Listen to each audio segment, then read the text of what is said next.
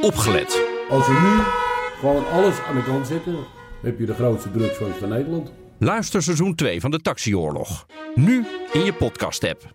Het ziet ons een beetje zwart voor de ogen. Ja, hoe komt dat? maar dat komt door de zwartgelakte documenten die we allemaal te zien kregen.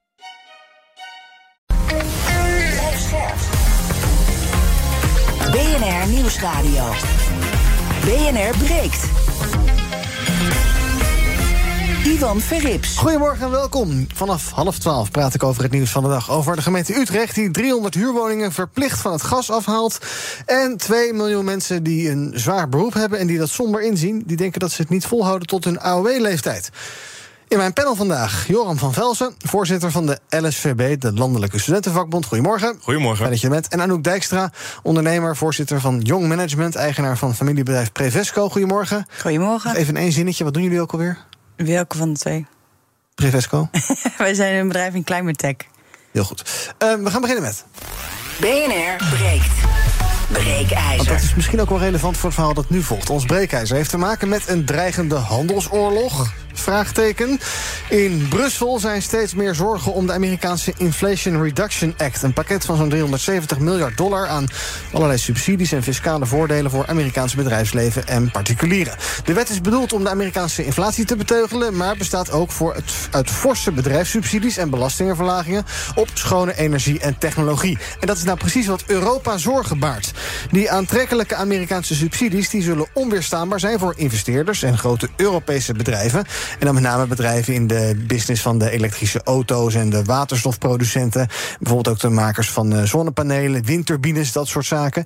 Um, en ja, dat is nou net dus wat Europa zorgen baart. Trekken die bedrijven dan weg uit Europa? Gaan ze hun geld in Amerika investeren als ze daar allemaal mooie subsidies krijgen? De Franse president Emmanuel Macron is nu op staatsbezoek in Amerika. Hij zou gezegd hebben dat, dat de Amerikanen zich super agressief opstellen richting het Europese bedrijfsleven. En Witte Huiswoordvoerder John Kirby, die snapt die zorgen wel. European partners have expressed concerns uh, about the IRA. In fact, the, uh, you know, we welcome that conversation. The president last month stood up a task force, uh, a U.S. EU task force, specifically around the IRA, so that we could better understand European concerns about it, um, and so that we could, frankly, share uh, our perspectives on the IRA, um, and particularly around uh, clean energy. Ja, Macron en Biden gaan er vandaag over praten. Dus later vandaag is er een persconferentie. Wij gaan naar ons breekijzer. Want ja, moeten we ons zorgen maken? Moet er iets gebeuren? Het breekijzer is Bidens klimaatsubsidies dwingen Europa tot zo'nzelfde stempakket. Wat vind jij? Pak je telefoon, bel naar 020 468 4x0. Moet hier een Brussels antwoord op komen, wat ook ten goede komt van Nederland? Of Moeten we ze daar lekker in een sop laten gaar koken? Welke gevolgen heeft dat dan? Ons breekijzer. Bidens klimaatsubsidies dwingen Europa tot zo'nzelfde stempakket. Je kunt ook reageren via Instagram. Daar heten we BNR Nieuwsradio. Maar het leukste is even bellen. Dus 020 468 4 keer 0 Zometeen hoor je mijn panelleden erover denken. Maar ik begin bij Filip Marij. Hij is macro-econoom Amerika van de Rabobank. Goedemorgen, Filip. Goedemorgen. Ja, wat vind jij? Bidens klimaatsubsidies dwingen Europa tot zo'nzelfde stempakket. Moet er een antwoord komen? Ja, ik denk het eigenlijk wel. De maatregel, als je bijvoorbeeld kijkt naar wat ze doen aan belastingvoordelen voor, elektronische, voor elektrische auto's. Mm-hmm. Ja, dan wordt het heel lastig voor Europese bedrijven om die auto's richting Amerika te, Amerika te exporteren straks. En worden echt gedwongen, als, worden Europese bedrijven gedwongen om zich daar te gaan vestigen. Omdat straks de eis is dat elektrische auto's uh, ja, in Amerika uh, ge geassembleerd moeten worden. Ja. En ook dat de batterijen uit Amerika moeten komen, althans voor een bepaald percentage. En zelfs de inhoud van de batterijen. Dus dat betreft, ja, het is een hele ja, protectionistische maatregel. Ja, America first hoor ik hier. Ja, en dat is, u merkt ook dat in dat opzicht dat er een, een, een andere wind waait in Amerika. Mm -hmm. Sinds Trump is dat eigenlijk ja, gemeengoed geworden. En ja, dit soort protectionistische maatregelen zaten er altijd wel een beetje in. Alleen, ja, dat werd dan een beetje verdoezeld. Alleen nu, uh, ja, nu zegt men het gewoon openlijk, omdat het ja, goed scoort bij de politieke achterban. Ja, die wet is al in augustus getekend, maar de laatste weken, nou misschien maanden, maar de laatste weken steeds openlijker hoor je er steeds meer zorgen over. Waar komt dat opeens vandaan? Is dat een soort van besef van, oh shit, het is toch iets groter dan we gedacht hebben? Of wat zit erachter? Nee, dat komt, eerst wordt zo'n wet getekend, maar dan moet het ministerie van Financiën kijken hoe die wordt uitgevoerd en de specifieke regels voor Hè, wanneer kom je aanmerking voor zo'n subs- subsidie? En dat, dat is dan geldig per 1 januari. Dus tot die tijd hebben Europese eh, overheden nog tijd om te proberen het- het Amerikaanse ministerie van Financiën te beïnvloeden. Ja, dat is dus tot nu toe vrij matig gelukt. Tot niet. Nee, en, en dat heeft denk ik met twee dingen te maken. In eerste plaats eh, zijn wij natuurlijk ook redelijk protectionistisch ten opzichte van Amerika. Hè. Op dit moment eh, zijn de tarieven op Amerikaanse auto's eh, bij ons hoger dan omgekeerd. Eh, bovendien, wij exporteren ook meer auto's naar Amerika dan, dan omgekeerd. Dus ja, wat dat betreft eh, hebben we niet echt de argumenten. En bovendien, politiek gezien, ligt het gewoon heel lastig. En voor de Democraten is dit een hele belangrijke wet. Eh, ze willen ook de steun van de vakbonden houden. En de Republikeinen die gaan ook zeker niet voor buitenlandse mogendheden een wet openbreken. Filip, we gaan zo meteen nog even over de details praten. Wat er ook dan gedaan kan worden. Ik doe een rondje in mijn panel. Ons breekijzer vandaag. Bidens klimaatsubsidies dwingen Europa tot zo'nzelfde steunpakket. Als je wil reageren, 020 468 4 keer 0 Bel dat nu, dan ben je zo meteen bij me in de uitzending. Eens kijken bij de ondernemer in ons midden, Anouk.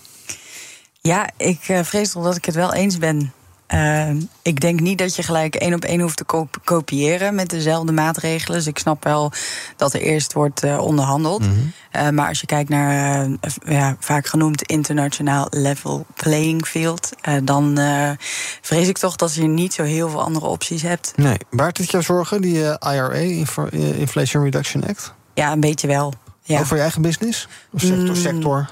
Mm, Ja, in de staalindustrie, eh, maar dat ligt wat verder van ons af. Ehm, ja, maar verder is het natuurlijk wel, eh, het is wel een, een, een tool om ehm, ehm, de verduurzaming te versnellen en innovatie daarmee ook.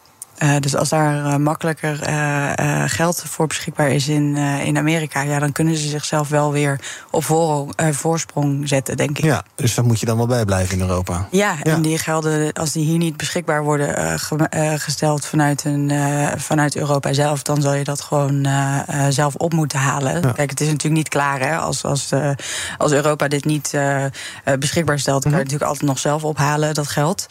Maar goed, ja, dan heb je wel een andere strijd Ja. Eh, te leveren dan in Amerika. Ja. Joram, wat vind jij? Nou, ik vind het eigenlijk wel positief. In de zin dat ehm, als er een tegenreactie moet komen vanuit, eh, vanuit Europa ehm, op, op, op die IRA. Dan zou dat mogelijk kunnen betekenen dat er ook veel meer ruimte komt om die verduurzamingsslag sneller te maken. Omdat er veel meer belastingsvoordelen komen. En ik denk uiteindelijk op de lange termijn dat dat ons allemaal helpt. Dus in die zin vind ik hem heel positief. Dat protectionisme, dat, dat is natuurlijk wel, eh, wel een, een spannende. Dat, dat, nou, dat zei je net al goed, dat begon bij, bij, bij Trump. En dat wordt eigenlijk eh, behoorlijk doorgezet nu. Maar het gevolg ervan, als we, dat, dat zou betekenen dat we sneller zouden verduurzamen, vind ik het een hele positieve. Ja. Meneer Huigens, goedemorgen. Ja, goedemorgen. Ik heb maar één, één antwoord, één wens. En dat is dat als het het eigen belang betreft, laat het alsjeblieft een beetje achterwege laten.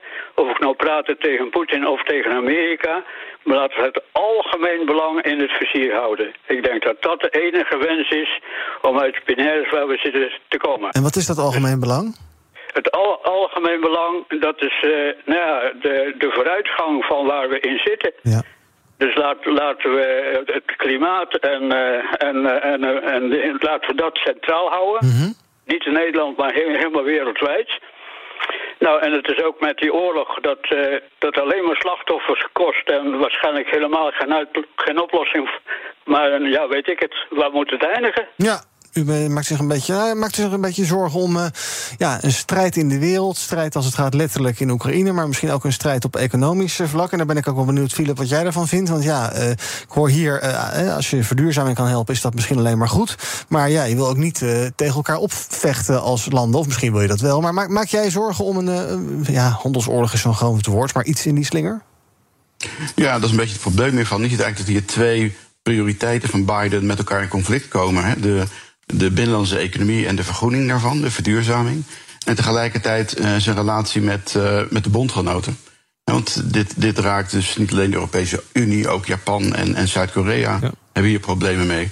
En hij wil juist, eh, laat zeggen, het, het Vrije Westen, om het zo maar te zeggen, verenigen eh, tegen China. En, en ja, en dat werkt nu averechts op dit moment. Dus ja, dat is een lastige, lastige afweging. Ja. ja, want de EU zegt eh, van dat pakket is 200 miljard in strijd met de regels van de Wereldhandelsorganisatie. Eh, is dat zo? Hebben ze, daar, hebben ze daar een punt? Zou dat, zouden ze daar gelijk krijgen? Dat laat Nou, voorkomen? je hebt wel kans dat Europa dat natuurlijk aanhangig gaat maken Mhm. bij, bij de World Trade Organization. En ja, die moet dan maar beslissen als, wat, of dat inderdaad zo is. Maar ja, het, het lijkt er wel. Hè, het, is, het is allemaal redelijk protectionistisch eh, van aard. Eh, er wordt eigenlijk alleen een uitzondering gemaakt van Mexico en Canada, omdat die dan in het eh, Noord-Amerikaanse vrijhandelsverdrag zitten. Eh, maar ja, de, de rest van de bondgenoten, eh, ook het Verenigd Koninkrijk bijvoorbeeld, vallen gewoon buiten de boot. Ja, nou is dus Macron op bezoek. Die gaat eh, vanmiddag, gisteren hebben ze al gegeten. Ik geloof in een Italiaans in een restaurant ergens. En vanmiddag gaan ze praten. Vanmiddag is er een persconferentie. De oudste bondgenoot van Amerika, zeggen ze zelf. Is er iets, kan hij iets bereiken, denk je? Nou, ik denk dat ik, wat ik lees is, verwachten zelfs de Fransen niet dat er iets bereikt gaat worden. Maar ze willen in ieder geval een signaal afgeven. Eh, en ondertussen ja, eh, moet Europa zelf gaan nadenken over hoe, hoe we hier tegen gaan, gaan reageren zonder het echt uit de hand te laten lopen. Ja. Ehm, wat mag er eigenlijk? Wat, wij hebben allerlei eh, strenge regels als het gaat om sta- staatssteun en dergelijke. Eh, wat, wat, wat, wat kan je doen in Europa om dit een beetje te counteren? Nou, je zou hè, de- redelijk in, een- eh, in, in een vergelijkbare eh, eh, hoe zeg dat, tax credit, hè, dus zeg, de belastingvoordeel kunnen gaan, gaan optuigen voor Europa. En dan, ja, als, als, en als, als dan de een illegaal is, is de ander dat ook. Maar dan heb je in ieder geval een duidelijk, was je een soort tit-for-tat eh, approach. Eh, waarbij het duidelijk is dat. eh, en, en Europa is daar eerder succesvol in geweest. Want wij zijn militair stellen we niet zoveel voor. Maar in handelsconflicten hebben, wel, hebben de Amerikanen wel eerder eh rechtsomkeerd moeten maken. Omdat Europa qua handel natuurlijk wel een groot blok is. Ehm, even kijken. Jan, goedemorgen. Goedemorgen, Ivan. Zeg het maar. Ja, ik ben het eens met eh, de stelling. Ik denk namelijk dat Europa eh, ja, eigenlijk voornamelijk beleid heeft gevoerd om eh, bedrijven minder te laten produceren, boeren minder te laten uitstoten, tenminste hun vee dan. Eh, allerlei maatregelen te nemen om op die manier het, eh, klimaat, die, het klimaat ten goede komen. Wat Amerika doet is zeggen van nou, als jij schoner en beter en in ons eigen land gaat produceren, dan eh, gaan we je daarin helpen met belastingvoordelen en dat soort zaken. Ik vind het overigens wel grappig dat ze uitgerekend Macron hebben gestuurd naar eh, Amerika om hier namens de Europese eh, Unie over eh, te, te praten. Macron is natuurlijk premier van een land wat ja, eigenlijk heel erg protectionistisch altijd is Ja. over de eigen handel. Ja, en dat dan niet uitgerekend hij daar naartoe gaat. Exact. Ja, dankjewel voor het bellen, Jan. BNR breekt. Ivan Verrips. Met in mijn panel vandaag Anouk Dijkstra van Young Management... en eh, van eh, eigenaar van familiebedrijf Prevesco... en Joram van Velzen, hij is van de Landelijke Studentenvakbond. Ook bij me is Filip Marij, macro-econoom Amerika bij de Rabobank. En we praten over ons breekijzer. Bidens klimaatsubsidies dwingen Europa tot zo'nzelfde steunpakket. Ben je het daarmee eens of oneens? Bel nu, dan kom je eh, ergens in de komende minuten nog in de uitzending. 020 468 4 keer 0 Ja, Jan zegt eigenlijk, Joram, we moeten een beetje een voorbeeld nemen aan Amerika. Eigenlijk is het wel slim wat te doen. Ehm, ja, aan de ene kant, eh, ja, wat ik net ook al zei. Wat is er mis met een beetje protectionisme? Ja, nou, wat je nu ook in de wereld ziet, is dat de, de, ook de polarisatie die we in de samenlevingen zien, zie je dus ook tussen de landen. Dus ehm, nou, met de oorlog in de Oekraïne, die als een heet hangijzer eh, ertussen hangt, ehm, zou een verenigd Westen wel heel belangrijk zijn, denk ik. En dan zijn dit soort eh, maatregelen wel een manier om die, die kloof wel te vergroten. Aan de andere kant, ja, wat ik net ook al zei, vind ik het wel heel mooi dat dit ruimte biedt voor eh, verduurzaming. En eh, ik denk dat dat ook wel een, een belangrijk onderdeel is richting de achterban van Biden.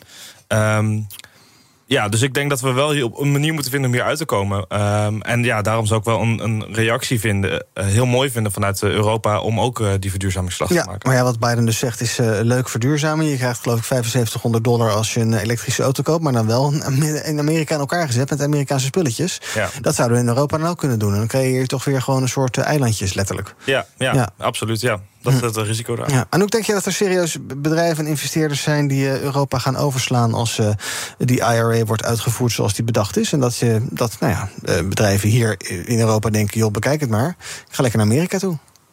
Nee, dat eerste niet. Ik denk niet dat dat uh, super veel invloed zal hebben op in investeerders. Um, Zeker omdat uh, daar wordt meestal naar andere onderdelen gekeken uh, door investeerders om uh, tot een besluit te komen of je gaat investeren of niet. Namelijk? Kijk, um, dat heeft meer te maken met je marktcapaciteit en je groeicapaciteit en je verdienvermogen, of je potentiële verdienvermogen in ieder geval. Uh, en um, kijk, subsidie is natuurlijk wel lekker om te krijgen, maar het is geen product om uh, te kunnen verkopen natuurlijk. Uh, dus er is maar een deel van je bedrijf wat je dan wellicht goedkoper kan financieren. -huh. maar het zegt niet zoveel over je verdiencapaciteit als bedrijf zijnde. En uiteindelijk hebben we in uh, Europa natuurlijk uh, ook best wel veel hè, wat we kunnen maken. We hebben hier ook autofabrieken en ja. we hebben ook Airbus in, uh, in Europa. Dus we kunnen ook vliegtuigen bouwen. Ja. we kunnen heel veel in Europa. En Amerika is ook tijden afhankelijk geweest van Tata Steel als het gaat om aluminium. aluminium. Mm -hmm. Ja, rotwoord. ja. ja. Um, dus uh, ja, we hoeven niet uh, per se uh, zwakker ervoor te komen te staan, omdat Amerika ingrijpt op hun eigen continent. Ja, maar een beetje Europees nou ja, protectionisme, maar in ieder geval weer wat bewustzijn over wat we hier willen doen ja. en wat we willen uitbesteden, is, is niet weg. Um, nou ja, dat. Kan... ook heel vaak dingen. ja, gingen we meteen lage lonenlanden alles in elkaar zetten en zo. Ja. ja. Ja, dat is gewoon uh, nu wel uh, het kwartje gevallen bij de meesten, denk ik. Dat ja. dat uh, bij conflicten niet zo handig is. Nee. Maar dat kan hier natuurlijk ook gewoon terugkomen. Ja, maar ga je wel meer betalen. Ja. Dat is er maar zo. Ja, dat, ja. ja.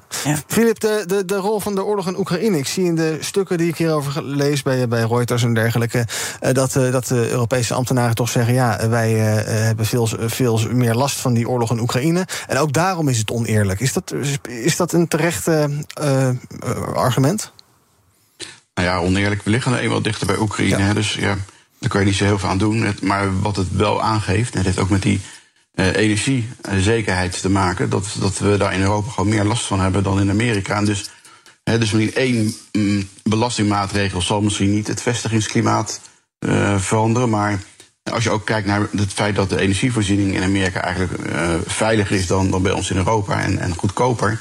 Dan gaat ook heel langzaam gaat ook wel een, een vestigingsklimaat zich ontwikkelen in de Verenigde Staten. Wat voor sommige bedrijven aantrekkelijk is. En mm -hmm. wat je dus nu ook al ziet is dat bijvoorbeeld uh, uh, Hyundai, een Koreaans bedrijf, is een vestiging aan het opzetten in Georgia. Uh, Toyota is een vestiging aan het opzetten in North Carolina. Vestigingen om elektronische auto's te bouwen. Dus je maakt het langzamerhand wel aantrekkelijk om uiteindelijk die rekensom in, in het voordeel van de Verenigde Staten te laten uitvallen. Dus wat dat betreft hè, is het van belang dat Europa niet achterblijft en zorgt dat het ook gewoon aantrekkelijk blijft om in Europa die auto's te produceren. Ja. Even kijken naar het Nederlandse aspect. Uh, wij zijn natuurlijk een uh, promotor van uh, vrijhandel. Ehm, ga, gaat zo'n inf Inflation Reduction Act ook voor ons nog veel negatieve gevolgen hebben? Ja, ik, ik, ik denk wel voor, hè, voor bedrijven die inderdaad bepaalde dingen exporteren naar Amerika. Hè, want het moet allemaal, hoe zeg je dat, in, in Amerika of, of indirect in Canada, Mexico geproduceerd zijn. Uh, maar ik denk niet dat Nederland echt helemaal in de hoek zit waar nou de grootste klappen gaan vallen wat dat betreft. Ondertussen, we bespraken het al, gaan in Brussel dus geluiden op om met uh, ja, soortgelijke subsidiepakketten te komen. Frankrijk bijvoorbeeld, die, zit een, uh, die ziet een wet wel zitten die de Europese consument moet verleiden tot het lokaal kopen van goederen. Ik geloof dat Habeck, de Duitse minister van Economische Zaken, ook soortgelijke dingen heeft gezegd. bij European-achtige wetgeving. Um, ja, goed idee om te doen? Nou, kijk, dat is natuurlijk een beetje altijd het gevaar van dit soort dingen. Hè, dat het uh, maatregelen die, uh, laat zeggen, eigenlijk gradueel zijn. En, en, wat ik al eerder zei, wij hebben sowieso hogere autotarieven op Amerikaanse auto's ja. dan, dan omgekeerd. Uh, dus in dat opzicht zijn we ook niet brandschoon.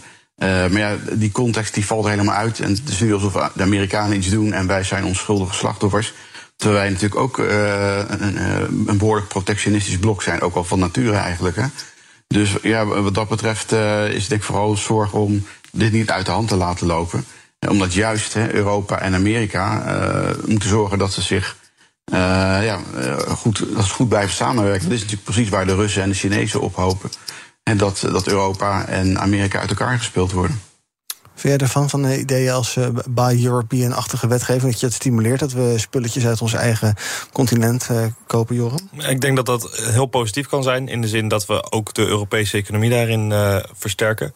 En tegelijkertijd zie ik ook heel erg wat, wat, wat Philip zegt over dat de, de, de Russen en de Chinezen natuurlijk heel fijn vinden als die kloof groter wordt tussen nou, de westerse wereld en dus Europa en Amerika. Mm -hmm. Dus ja, dat zal toch wel een soort balanceeract blijven. Om te zorgen dat het inderdaad niet uit de klauwen loopt. Maar ik denk dat het heel positief kan zijn als we wat meer ook binnen Europa denken. Wat voor Ehm, wat voor bronnen hebben we hier en hoe kunnen we die zo goed mogelijk eh, gebruiken? Ja, dan komen de EU-ministers van Economische Zaken ook vandaag bijeen om dit allemaal te bespreken. Uh, heb jij enig idee, Filip, wat zij, ja, waar, waar, ze, waar zij mee zullen gaan komen? Wat, wat kan je dus doen? Zijn dat inderdaad soortgelijke steunpakketten en dan ben je wel een beetje uitbedacht? Of, of kan je nog allerlei andere creatieve dingen bedenken? Ja, ik denk dat je vooral, uh, om, om zeg maar duidelijk een signaal af te geven, dat je het vooral in dezelfde soort maatregelen moet zoeken. Uh, en ook in de hoop dat je sommige niet helemaal hoeft door te voeren. En op het moment dat je weer andere maatregelen erbij gaat houden, halen, dan verbreed je eigenlijk, uh, het krijgt eigenlijk meer, meerdere fronten. dus wat dat betreft is het, denk ik, gewoon een zaak om het gewoon ja, heel ja, rationeel te behandelen. het probleem voor Europa is natuurlijk, voor de Amerikanen is het ja, die hebben maar één overheid. Uh, en dan een paar ministeries dat moeten uitwerken. En voor Europa is het natuurlijk lastiger ja. om tot, uh, tot heldere maatregelen te komen. Dus het is altijd wat, wat langzamer reageren in Europa. Ja, want, ook, ja, want welke, ja, welke smaak heb je? Nou ja, je hebt natuurlijk smaken uh, die vrijhandel promoten en die protectionisme promoten. Ja, waar kom je dan op uit in Brussel? Ja, per saldo zul je altijd in, in, in, op, op iets licht protectionistisch komen in, in, in dit geval. Maar ja, ieder land heeft weer zijn eigen mening. En dus wat dat betreft uh, zitten gewoon met, met het nadeel dat we ja, uh, gewoon niet één eenheid zijn. Nee. Uh, zoals de Verenigde Staten dat wel is. Dus ja, dat, dat blijft lastig reageren. Maak je je zorgen om een economische winter, Anouk? Of valt dat wel mee? Een economische winter? Ja, dat het allemaal dat een beetje op je eigen continent teruggetrokken wordt. En dat we elkaar dat we geld in onze eigen economie gaan pompen en minder gaan handelen met elkaar. Dat is allemaal een beetje. Nee, ik maak me daar niet zo zorgen om. Nee, ik denk dat het helemaal niet zo uh, slecht is om weer uh, veel maakindustrie naar Europa te halen. Um, het, bl het, blijkt toch dat heel veel uh, werkgelegenheid voortkomt uit die maakindustrie. Mm -hmm. Die we toch echt heel hard nodig hebben in ieder land, in iedere economie. En um, ja, kijk, ik weet of niet helemaal of het economisch nou echt super handig is ook om een inflatie te temperen met uh, geld bijdrukken. Mm -hmm. Volgens mij is dat niet de oplossing tegen inflatie. Philip Marijn, macro-econoom van uh, de Rabobank, gespecialiseerd in Amerika. Dankjewel en fijn dat je bij ons was. Onze breekijzer vandaag. Bidens klimaatsubsidies dwingen Europa tot zo'nzelfde steunpakket. Op Instagram is 60% het daarmee eens ongeveer, kleine 60%. Je kan daar nog de hele dag van je laten horen. En op de radio ga ik zo verder praten met mijn panelleden. Onder andere over deelscooters, want die vormen steeds vaker een gevaar op de weg. En Tweede Kamerleden willen gemeenten nu helpen om daar iets aan te doen. Maar je zou toch denken, die gemeenten kunnen zelf toch ook voor alles nog wat doen. Nou, oké. En we praten over een andere gemeente, gemeente Utrecht. Die uh, heeft een uh, impasse doorbroken. Namelijk, zij dwingen bewoners om van het gas af te gaan. Nou, vonden deze bewoners dat zelf geloof ik allemaal niet zo erg. Maar ja, hoe ga je dit later krijgen als mensen er niet op zitten te wachten? Gaan we allemaal zo meteen bespreken in het tweede deel van BNR Breek. Tot zo. Ook Harm Edens vind je in de BNR-app. Je kunt BNR Duurzaam niet alleen live luisteren in de app, maar ook terugluisteren als podcast, zoals al onze podcasts. En naast dat de BNR-app Breaking News meldt, houden we je ook op de hoogte van het laatste zakelijke nieuws. Download nu de gratis BNR-app en blijf scherp.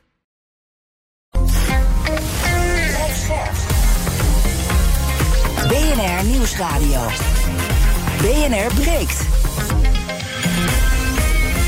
Ivan Verrips. Welkom terug. In mijn panel vandaag Anouk Dijkstra, voorzitter van Jong Management, eigenaar van familiebedrijf Prevesco, en uh, Joram van Velsen, voorzitter van de Landelijke Studentenvakbond. En we gaan praten over het nieuws van de dag. Te beginnen in Utrecht. Honderden bewoners van de wijk Overvecht Noord, in Utrecht dus, moeten gedwongen van het gas af, lezen we in de Volkskrant vandaag. Het gaat om bewoners van zo'n 300 huurwoningen. Volgens het stadsbestuur en de woningbouwcorporatie is dat noodzakelijk voor de energietransitie en ook om geldverspilling te voorkomen. De gemeente Utrecht is daarmee de eerste gemeente die bewoners gedwongen van het gas afsluit. En vandaag wordt er in de gemeenteraad definitief over gestemd. Lot van Hooijdonk is wethouder in Utrecht en legt uit met welk idee de gemeente Utrecht dit project uitvoert. We hebben met de coöperatie gezegd en met de netbeheerder: als wij nou zorgen dat we mensen helpen aan elektrisch koken en we helpen ze helemaal aan nieuwe spullen. Uh, dan kunnen we zorgen dat de netbeheerder die leidingen niet hoeft te vervangen. En dat scheelt ons uiteindelijk allemaal geld, omdat al die kosten die je netbeheerder maakt doorberekend wordt in je vastrecht. En daar betaalt dus iedereen aan mee. Ja, het was een soort proef. En de verwachting is dat meer gemeenten dit gaan doen. En ook dat meer wijken uiteindelijk uh, verplicht van het gas af moeten. Dan ben ik benieuwd. Ehm, eh, nu eh, dus een eh, wijk van een woningbouwcorporatie. Ja, Joram, als je dit gaat doen met woningbezitters... en mensen die, weet ik veel, heel veel geld verdienen... die zullen er toch allemaal niet op zitten te wachten... Dat, die inmenging van die gemeente. Ja, maar bij woningbezitters zie ik het ook minder gauw gebeuren. Ik denk dat dit heel bewust natuurlijk nu bij huurwoningen gebeurt. Ehm, ik vind het overigens een heel positieve ontwikkeling. Ook nou, in dit geval aangezien een heel grote meerderheid eh, van, de, van de bewoners ook eh, hier positief tegenover stond. Ehm, maar ja, we zullen die energietransitie toch gaan eh, moeten maken. Dus ehm, ja, toch wel een belangrijke stap, denk ik. Ja, je zou ook kunnen denken... goh, deze mensen die kookten alleen nog op gas. Ja. Verwarming was al niet meer op gas. Ja, moet je dan dat hele netwerk gaan veranderen? En ook je energieverbindingen, elektriciteitsverbindingen gaan verzwaren... enzovoorts, enzovoorts. Laat die mensen lekker op gas koken nog een paar jaar. Ja, maar door dat soort kleine stapjes telkens te zetten... dus van ja, oké, we houden dan nog wel het gas voor koken beschikbaar... komen we uiteindelijk niet verder waar we moeten komen. Ehm, ja, weet je, er staat ons gewoon een grote opdracht... eh omtrent de kli- klimaatcrisis. Dan moeten we ook wel eh, even grondig werk leveren... en dus ook met koken van het gas af. Anouk, goed idee, dit soort eh, verplichtingen? Ja, ik denk het op zich wel. Ik vind het wel boeiend dat ze, eh, dat ze dit durven. Eh, ik snap wel het argument van die woningcorporaties dat ze zeggen: ja, oké, we worden verplicht nu, eh, of we worden gedwongen eigenlijk om eh, eh, onderhoud te plegen. eh, wat nog niet per se onderhoud toe was. En daar eh, eh, mag geen eh, huurverhoging tegenover staan. Dus eh, ja, ik snap wel dat, eh, dat er vanuit die woningcorporaties wat gemor komt. Eh, maar ik ben het wel helemaal eens met wat jij net eh, zegt, eh Johan. Dat je, eh, ja, we moeten toch een keer. Ja. De wethouder, die, eh, Lot van Hooijdonk, die zegt... ja, eh, ook mensen die nu weerstand bieden... die moeten uiteindelijk toch echt een keer overstag. Straks gaan we natuurlijk in heel Nederland van het gas af. En dat gaat natuurlijk onder eh, eh, hele goede voorwaarden dat iedereen eh, mee moet kunnen. Hè, zowel financieel als ook in termen van eh, nou ja, hoe makkelijk of moeilijk het is. Hè, dus die randvoorwaarden die zullen echt op orde zijn. Ja, maar we voelen ook met z'n allen aan dat we van het gas af willen. En dat je ook niet voor de laatste paar bewoners een hele infrastructuur in stand wil houden waar we allemaal aan meebetalen. Hè, want dat is uiteindelijk waar het om gaat. Ja, 92% van de bewoners in deze wijk eh, was dus inderdaad voor hè, om dat te doen. En die, worden ook, die mensen worden keurig geketerd, want die krijgen er een, eh, een, een eh, voor terug met pannen en de hele kleren zo. En hun elektriciteit wordt, eh, eh, eh, wordt, wordt, wordt betaald, uiteraard eh, versterkt. Eh, dat is denk ik wel dat een voorwaarde om dit goed te kunnen doen. Dat, je mensen, dat er geen kosten voor bewoners bij zitten komen kijken en moeilijkheden. En dat je zelf eh, in je eh, meterkast moet gaan sleutelen. Ja, weet je, uiteindelijk vallen staan dit soort initiatieven toch bij het draagvlak wat je hebt. Dus ehm, hierbij zal ook extra nagedacht zijn over hoe kunnen we zorgen dat de mensen zo goed mogelijk meenemen, dat mensen zo positief eh, mogelijk tegenover staan. Om bijvoorbeeld bij de volgende stap ook eh, zulke positieve reacties te krijgen. Als dit heel negatief ontvangen zou worden, dan eh, betekent dat heel veel slechte dingen voor volgende initiatieven. Ja, nou, er wordt dus gewerkt aan een wet waarbij gemeenten dwang kunnen inzetten als instrument. Nou, weten we, dwang, daar houden we niet zo van met z'n. Maar ja, Anouk, misschien dus toch maar aan geloven dat een gemeente kan bepalen: jij gaat nu van het gas af. Ehm, ik denk voor die huurwoningen, wat echt ge- ge- waar grote organisaties achter ze staan. ehm, ja, dat je, het is wel echt een drukmiddel natuurlijk om, eh, ehm, om die ontwikkeling op gang te krijgen. Want zeker als daar geen eh, financieel voordeel tegenover staat, dan gaan die corporaties dat waarschijnlijk niet op eigen houtje doen. Nee. Maar jij zei ook net van ja, bij koopwoningen zie ik niet zo snel gebeuren. Je zou kunnen zeggen, huurders worden dus de, de, de dupe hiervan. Mm, nou, in welke zin zou het te dupe zijn? Nou ja, waarom denk- zou je die koopwoningen niet aanpakken? Nou, die koopwoning is natuurlijk wat ingewikkeld, omdat het, omdat het echt je eigen woning is. Ik denk dat je daarbij eerst de ontwikkeling zal zien dat bij de nieuwe te bouwen woningen, dat ze die aardgasvrij zullen eh, maken in plaats van de bestaande woningen. Eh, in ieder geval de, de eigenaars van bestaande woningen dwingen om eh, hun gasafsluiting weg te halen. Mhm. Geloven jullie dat eh, we op eh, eh, termijn helemaal van het gas af zijn? In, in, in, particular, in huizen? Nee, eigenlijk niet. Nee, hè? Nee, denk ik niet. Ik heb zo ook zo'n idee van, we willen het braafste jongetje van de klas zijn. Maar Ja, het dat moet- gebeuren? Nee, denk ik niet. En ik denk ook dat het alternatief ervoor met die warmtepompen... dat, dat is wel, heeft wel een tijdje heel snel is dat gegaan. Maar eigenlijk waren die warmtepompen eh, voor dit gebruik... nog niet ver genoeg eh, eh, uitontwikkeld.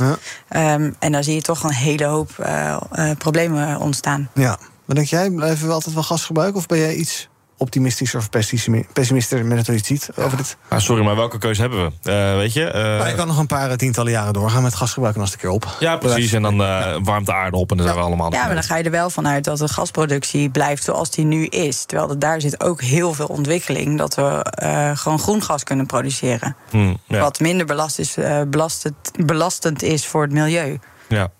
Ja, en wij kunnen wel allemaal hier eh, heel veel moeite doen om van het gas af te gaan. Dat is allemaal heel, heel goed. Maar ja, eh, dan moet je ook even kijken wat de rest van de wereld doet misschien. Het heeft niet zoveel zin als wij eh, lekker Nee. een moreel verheven staatje zijn met kijken. Zo, wij zijn allemaal van het gas af. En Ja. een paar honderd kilometer verderop stoken ze nog op kolen. Nou, we hadden het natuurlijk net ook over dat je als land niet op een eilandje wil zitten en je eigen koers varen en eh, de rest eh, zien we wel wat die doen. Eh, dus absoluut, het is iets heel gezamenlijks. Dan hebben we weer de zoveelste klimaatconferentie waarbij we afspraken maken die we allemaal niet nakomen. Tuurlijk, daar moet ook dingen gebeuren. Maar ook wij moeten daarin onze rol pakken. Ander nieuws dan van vandaag. 2 miljoen werknemers in zware beroepen. Denk aan monteurs, metselaars en zorgmedewerkers... die vrezen dat ze hun werk niet kunnen volhouden tot aan hun pensioen. Blijkt uit een enquête van CNV. En daarover schrijft dan weer het FD, Financiële Dagblad. Het gaat dus om bijna de helft van de CNV-leden ouder dan 45 jaar. In 2025 loopt de huidige regeling voor vroeg pensioen voor zware beroepen af. En de vakbond die wil dat ook na 2025 werknemers met die zware beroepen nog steeds vroegtijdig kunnen stoppen. Ehm, als ik dit zo hoor, dan denk ik: dit is een soort eh, treinramp in slow motion, eh, Anouk. Eh, mensen die eh, het gewoon niet vol gaan houden tot hun pensioen. En dan thuis komen te zitten. En Ja. eh, met enorme ziektelasten komen Ja. te zitten. En uitkeringen en dergelijke. Wat moeten we hier aan doen? Ehm, ja, zorgen dat er een nieuw akkoord komt. Dat is het makkelijkste antwoord natuurlijk. Mhm. Ik denk dat, zoals bij de brandweer bijvoorbeeld... dat is een mooi voorbeeld. Daar mag je maar 20 jaar, sinds 2016 is dat... nee, al wat langer. Mhm. Ehm, daar mag je maar 20 jaar eh, in dienst zijn. Dus je mag maar 20 jaar brandweer zijn. Ja. Want dan ben je gewoon fysiek op. Ja. En ehm, misschien eh, kunnen we de data gebruiken van de afgelopen 50 jaar van deze beroepen waar het over gaat. Om te kijken hoe lang houden mensen dit nou echt fit vol. Want kijk, als je 45 bent en je werkt in de bouw, dan heb je er al bijna 30 jaar op zitten. Hè? Dat is, eh, als je uitgaat van dat ze op een 16e of een 18e of zo starten. Ja. Eh, dan heb je dus al eh, 28 jaar voor je kiezen. Als je tegen de tijd dat je eh, 45 bent. Ja. Ehm, dus dat is echt al een hele tijd dat je dan fysiek zwaar werk hebt geleverd. Dus het is niet zo gek, denk ik, dat een eh, lichaam dan op is. Nee, en dat je daar dus misschien ook een cap opstelt voor je eigen bestwil, voor Ja. je eigen gezondheid. Ja. Goed idee? Ja. Ja, en dan? Ja, moet je dan maar, op, eh, als je 48 bent, een nieuwe baan gaan zoeken? Je ergens- Dan word je ergens social media marketing manager. Ja, ik dat, dat wordt wel zo makkelijk gezegd. Ga, Nee. maar, ga maar omscholen. Nee, ja. is niet waar. Je hebt, je, hebt, je hebt jarenlang een vak gedaan en ga je dan maar iets anders doen. Ik Ja, vind maar dat ze weten veel meer dan alleen dat vak. Als je 25 jaar werkt, dan heb je zoveel meer skills eh, eh, ontwikkeld dan alleen met een hamer op een spijker slaan. Ja, absoluut. Maar ik vraag me af of de oplossing dan is om maar iemand te verbieden om langer door te werken in die sector. Waar Maar niet om verbieden, gaat om beschermen. Hè? En als het geen duurzame inzetbaarheid is, als mensen zich helemaal naar de klote werken. Ja. Ja, nou, ik denk dat we allereerst moeten kijken naar eh, dat werk gewoon veel gezonder maken voor je, voor je fysieke eh, Mhm. eh, om- omstandigheden. Dat, dat we kijken, belasten mensen niet structureel te veel. Ja. En als jij zoveel jaar uit de naad hebt gewerkt, dan vind ik ook dat de overheid je daarin tegemoet moet komen. eh, als jij op een gegeven moment niet meer in staat bent om goed te kunnen werken. Nee, want juist van de beroepen die ik noemde net als voorbeeld, monteurs, metselaars, zorgmedewerkers, je zou denken, ja, dat zijn, ik snap dat dat zware beroepen zijn, maar dan kan je met technologie eh, toch ook wel eh, even verlichting bieden. Nou, dat hoop je. Maar die mensen hebben gewoon keihard Ik zou nodig. hopen dat het niet nodig is als je stratenmaker bent, nu nog steeds dat je je, rug vernachelt in een aantal jaar. Ja, ja, kom op zeg. Ja, ik, ik, ik vind het, ik vind het bizar dat hoe, hoe gemakkelijk we daarmee mee omgaan, nu nog steeds in Nederland. Ehm, ja, ik, ik vind het wel heel belangrijk dat ook als je kijkt naar zorgmedewerkers, hoe grote tekorten we daarin hebben, je kan het toch ook niet verkopen. Oh, word maar zorgmedewerker, maar trouwens, we vinden het wel oké dat je op een, op een bepaalde leeftijd het werk gewoon niet meer aan kan. Ja. Ja, ik vind dat de overheid daar echt veel meer zorg voor moet dragen en die mensen veel meer moet ondersteunen. En dus ook misschien dat je, want dit is natuurlijk voor, eh, voor CNV een mooie reden om dat eh, vroegpensioen nog even onder de aandacht te brengen. Ook een goede reden om dat te verlengen. Dat je vroeg eruit kan. Ja, vind ik wel. En dat je dan lekker de rest van je leven met je pijnlijke lichaam op de bank kan zitten. Nou, leuk. Maar wie, hoe moeten we dit ook bekostigen dan? Ja, dat is natuurlijk altijd de, de We uitdaging. kunnen natuurlijk voor alles naar de overheid kijken, maar die kan ook niet alles betalen. Nee, nee, maar ik, ik vind het wel, als jij je hele leven uit de naad hebt gewerkt, dat je wel enige ondersteuning moet krijgen. Als je helemaal fysiek helemaal kapot bent. Hm, ik zie en ook denken, ja. Ja, maar kijk, als dat op je 45ste is, dan heb je, zit je pas over het al- gemiddeld gezien op de helft van je, helft van je leven. Van je levensduur. Ja. Dus ik snap wel wat jij zegt. Alleen wat moeten we dan met die overige 25 jaar, die je dan eigenlijk nog zou moeten kunnen werken? Misschien niet zo zwaar, eh, fysiek zwaar als dat je hebt gedaan. Maar er zijn misschien ook nog andere dingen die je kan doen. Dus je hoeft niet per se te stoppen met werken dan. En, en als je weet, je kan maximaal 20 of 25 Ja. jaar een zwaar beroep doen, dan kan je er ook op instellen. Dan ga je nou, ook naar leven. Na die tijd moet ik iets anders gaan doen. Ja. Dan ga je misschien een passie ontwikkelen, daar eh, avondopleiding of eh, goed, Ja. of je een transitietijd waarbij je een opleiding kan doen. Ja, ja, Ja, dat- maar krijg je nog wel om hoor. een lekker frontje bezig. Nee, maar ik denk dat, ehm, dat, we- dat we ook wel voorzichtig moeten zijn in het gemak waarmee we zeggen: ga maar een ander vak doen. Mhm. Eh, daar moet echt wel goed over nagedacht worden. En ik snap dat je op je 40ste niet met pensioen gaat en dan maar voor de rest van je leven op de bank gaat Dat zitten. Maar tegelijkertijd moeten we ook echt heel serieus nemen dat, dat mensen ook een vak doen om een reden. En er niet zomaar mee willen stoppen. Bij BNR ben je altijd als eerste op de hoogte van het laatste nieuws. Luister dagelijks live via internet. Bas van Werven. En heel langzaam komt de zon op rond dit tijdstip. Je krijgt inzicht in de dag die komt op BNR, het Binnenhof in Nederland en de rest van de wereld. De Ochtendspits. Voor de beste start van je werkdag. Blijf scherp en mis niets. BNR breekt. Mijn panel vandaag, Joran van Velsen van de LSVB... en Anouk- Dijkstra van Young Management en Prevesco. We gaan kijken naar wat jullie is opgevallen in het nieuws. Joram, jij wil het hebben over enkel glas in huurwoningen. Ehm, dat bestaat nog steeds. Ja, ik heb er zelf ook eh, jarenlang in gewoond. Ik ben blij dat ik er niet meer in woon, want je stook je helemaal de blubber. En dat Ja. is nu ook eh, heel erg onprettig. Maar dat moet maar eens klaar zijn. Ja, nou ja, ook dus heel veel studenten wonen in woningen met enkel glas. Echt bizar veel. Dus we zijn ook laatst eh, daarmee naar de Tweede Kamer gegaan om te zeggen: hier moet wat mee gebeuren. En wow, wat hebben we toch een invloed als Landelijke Studentenvakbond? Want er is een motie aangenomen in de Tweede Kamer. Niet alleen maar door ons natuurlijk.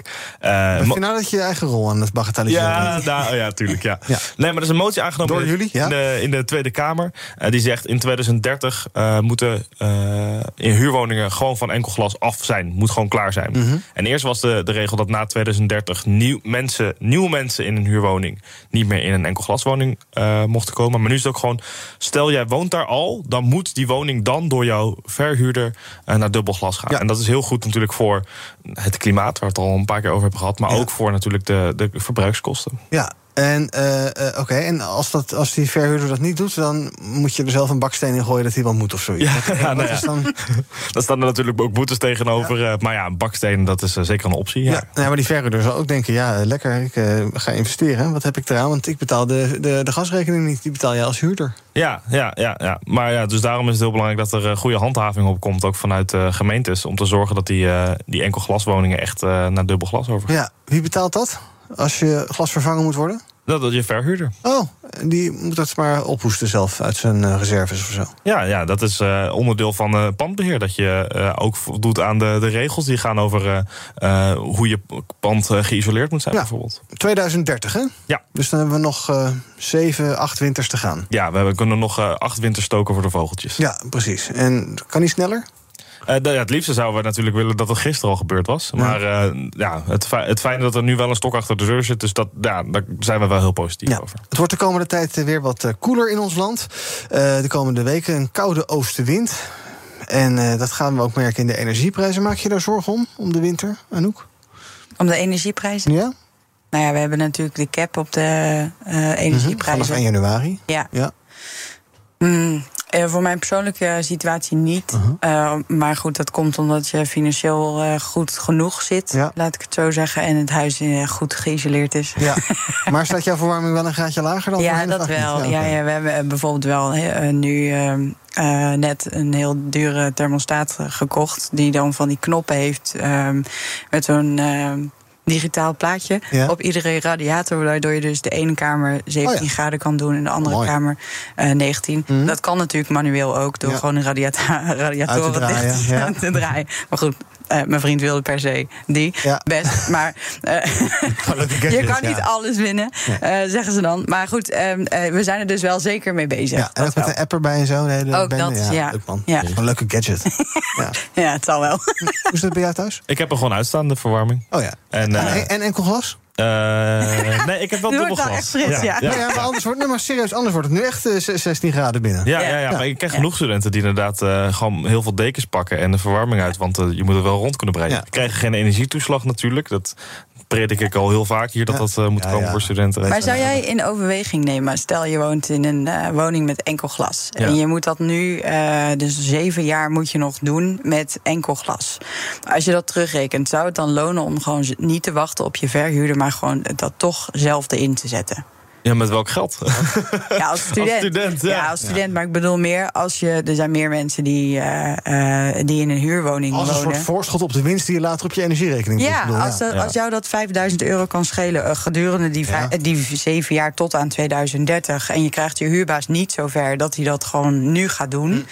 Zou het dan in je voordeel zijn of zou je het in overweging nemen om te denken, ja, dan doe ik het toch echt zelf? Maar ja, als je eruit gaat, dan, is, dan eh, Ja. geef je die huurbaas gratis eh, dubbel glas. En ik vraag Ja, me af hoeveel, waar, maar- hoeveel mensen in een huurwoning wonen met enkel glas. En, die, en die het geld beschikbaar Ja, hebben ja, om ja. zelf naar dubbel glas over te Nou ja, er zijn natuurlijk heel veel mensen van onze leeftijd die eh, wel prima geld beschikbaar hebben, maar niet zoveel geld beschikbaar hebben om een koopwoning te, eh, te kopen als starter. Ja, maar, Die zijn er natuurlijk ook genoeg. Hm, misschien ook een taak voor gemeente weggelegd om maar iets te doen. Oké, eh, laten we even kijken wat de training is op de socials.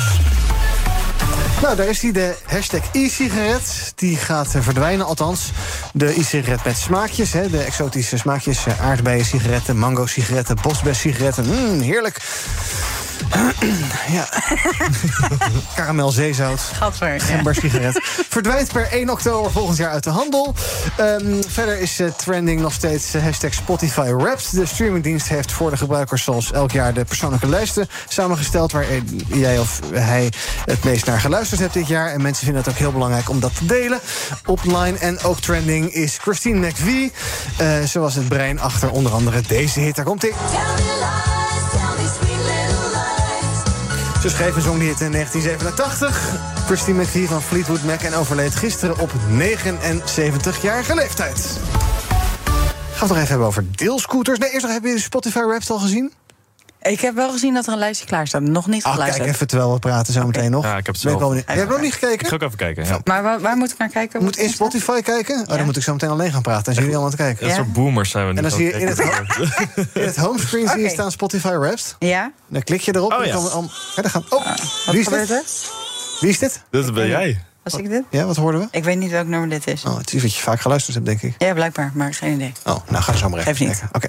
Laten we nog even praten over deelscooters. Waarschijnlijk herken je het wel. Je loopt over een straat in een stad als eh, Rotterdam of Den Haag. En voor je het weet wordt de weg geblokkeerd door zo'n deelscooter... die pontificaal op de stoep geparkeerd staat. Ik had laatst hier in Amsterdam dat ik op een pont stond... en daar stond een eh, scooter geparkeerd op een pont. Dus iemand had daar zijn rit beëindigd. En die, pont, die scooter ging gewoon heen en weer op die Oh pont. jeetje. Dat je denkt, nou ja, oké. Ehm, het kabinet stelt nu dat overlast daardoor eh, wordt ondervonden. Dat wisten we allemaal al. En dat loopt nu de spuigaten uit, meldt het Algemeen Dagblad. ChristenUnie-Kamerlid Sineke van der Graaf dient daarom eh, samen met VVD-collega Daniel Koerhuis een motie in. En de Kamer wil dat het Rijk gemeente gaat ondersteunen in de aanpak van overlast door deelscooters. Dan ben ik allereerst benieuwd. mm, Zijn jullie gebruikers van deelscooters? Vind je het leuk? Ik vind het vooral leuk eigenlijk, maar ook wel interessant. Ik heb een keer, toen het heel hard sneeuwde, was dat eh, anderhalf, twee jaar geleden. Dan kon ik een skill- deelscooter gehuurd en lekker glijden door de straten van Haarlem. Hartstikke leuk was het. Hoe gebruik jij ze? Eh, ik gebruik ze in Amsterdam. Ik ben echt een fan van een deelscooter. Ja. Eh, nou is het natuurlijk gewoon in Amsterdam sowieso één grote zooi met fietsen, Ja, scooters. het is er toch een puinhoop, Ja, ja. dus dat maakt allemaal niet zo ja. heel veel uit. Alles staat er. Ehm, maar ehm, ja, gewoon eh, letterlijk om je te verplaatsen door die stad.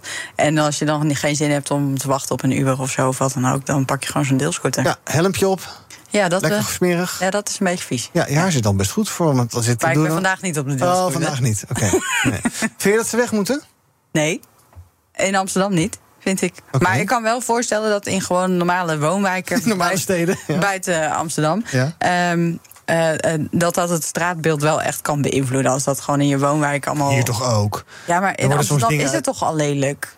Qua Ja, dus dat zegt toch niet dat, het nog lelijker moet? Ja, maar vind, ja, de- wat voegt het toe?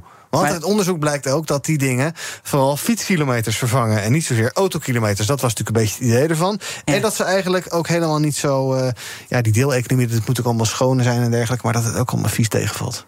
Ja. Waarom ga je niet gewoon fietsen? Geen zin. Koop een e-bike. Of huur een e-bike. Dat doet de gemeente Utrecht. Daar zijn al die deelscooters eruit gerost. En dan kan je nu alleen nog maar eh, de e-bike Maar ik huren. vind die stepjes dan eigenlijk leuker zoals je in Parijs hebt. Ja, maar dat mag ook niet. Nee, maar heel Europa heeft die stepjes, Ja, maar, maar. Nederland niet. Ja, wij zijn Ja. het braafste jongetje van de klas. Dat is echt jammer. Hoe is het met je, met je Spotify Wrapped, Johan? Ja, ik zit te kijken. ik heb echt de gekste nummers in mijn Spotify rap staan. Oh. Hoe ziet jouw rap er eigenlijk uit? Ik heb heel veel. eh, Daar is niks over ik heb heel veel Franse muziek eh, ertussen staan. Dat je nooit luistert. Of dat wel? Ja, ik luister het wel, maar dat is allemaal van die. eh, ik- laat aan- tot laat aan het werken en in de trein naar huis muziek, weet je wel. Dat je denkt, oh, nou, dat is het Dat thema van dit jaar. Ja. Ja, Oké. Deelscooters, eh, heb je het net een beetje gevolgd of niet? Ja, ja, zeker. Ja. Eh, wat vind je ervan dat het kabinet de gemeente te hulp wil schieten hierin? Ehm, ik, denk, ik denk positief. Aan de ene kant, ik vind het zelf heel handig hoor. Dat ik denk, oh, ik moet nog even heel gauw naar de, naar de supermarkt. Ik pak even een scootertje Ja. in plaats van een fiets. Ehm, maar ook hoeveel bijvoorbeeld ongelukken er gebeuren met, met mensen die met alcohol op zo'n scooter stappen, Mhm. is best wel hoog. Ehm, ja, en, en, en ook ja, voor het straatbeeld is het best wel slordig eigenlijk. Als je ziet hoeveel omgevallen scooters er eh, naast een supermarkt staan bijvoorbeeld. Of Ja. zo. ja, ik vind het... eh, ja, Ja, mensen vinden het Hmm, ook maar. eh, eh, die denken ook van: goh, ja, het is toch niet mijn eigendom. Dus ik, ik rag hem gewoon ergens meer. Succes ermee. Die Ja. dingen gaan ook maar vier jaar mee. Terwijl Ja. een normale scooter tien jaar meegaat. Ja, maar dat is ook gebruik natuurlijk. Ja, maar goed, dat is Dat dus ding wel rijdt wel echt de hele dag rond. En dat is natuurlijk in een privéscooter ook niet zo. Nee, dat is denk ik inderdaad Dus- wel waar. Ja, Ja. Maar die dingen worden ook echt wel gewoon op. ja tuurlijk. Ze worden wel eh, afgeracht. Dat is wel zo. Maar ja, als jij zelf een scooter koopt, rijdt alleen jij erop. Misschien Ja. nog een familielid. En hier rijden 15 mensen per dag bijvoorbeeld erop. Ja. Stepjes, goed idee? Stepjes, ja. Ik was laatst in Brussel, daar heb je heel veel van die stepjes. Een beurt en zo. Nou, dat, dat vind ik, die dingen vind ik helemaal levensgevaarlijk. Die zijn wel leuk. Ja. er zitten altijd mensen die erop zitten, zijn de mensen die dat niet kunnen. Ja. Ja dus ik, ja, uit bescherming van onze maatschappij zou ik zeggen, ook niet doen. Nou, Ik heb die het hier en eh jij wil ze jij wel graag hebben. Die ja man. Ja. Oké, nou. En als je dan kiezen, scooter of een stepje? Stepje? Oké. Het zou de gemeente niet, trouwens niet al lang genoeg handvat hebben om hier iets aan te doen. Die kunnen toch al lange zones instellen waar die dingen niet geparkeerd mogen Ja, worden. En er zijn Ja, gemeenten die willen ze niet. Wat moet. Daniel Koerhuis er met dat bouwen, bouwen, bouwen daar nou weer mee te maken hebben? Die moeten gewoon lekker andere dingen gaan doen. Ja, ik snap ook niet zo goed wat, waar, waarom het nodig is dat de Kamer zich hiermee bezig gaat, eerlijk gezegd. Nou, gaan we wat zinnigs doen. Dank voor jullie aanwezigheid vandaag. Anouk Dijkstra en Johan van Velzen. Eh, morgen, dan is BNR Breekt er weer. God, is er weer vrijdag. Ja, Kees Dorrestein is hier dan. Tot die tijd kun je ons volgen via eh social. Zoek maar even YouTube, Instagram, Twitter, TikTok, LinkedIn. We zijn overal te vinden. En zometeen over een paar minuten is hier Thomas van Zel met BNR Zaken doen. Ook Thomas van Zeil vind je in de BNR-app. Je kunt live naar mij luisteren in Zaken doen. De BNR-app met breaking news. Het laatste zakelijke nieuws. En je vindt er alle BNR-podcasts. Bijvoorbeeld Het Nieuwe Geld. Download nu de gratis BNR-app en blijf scherp.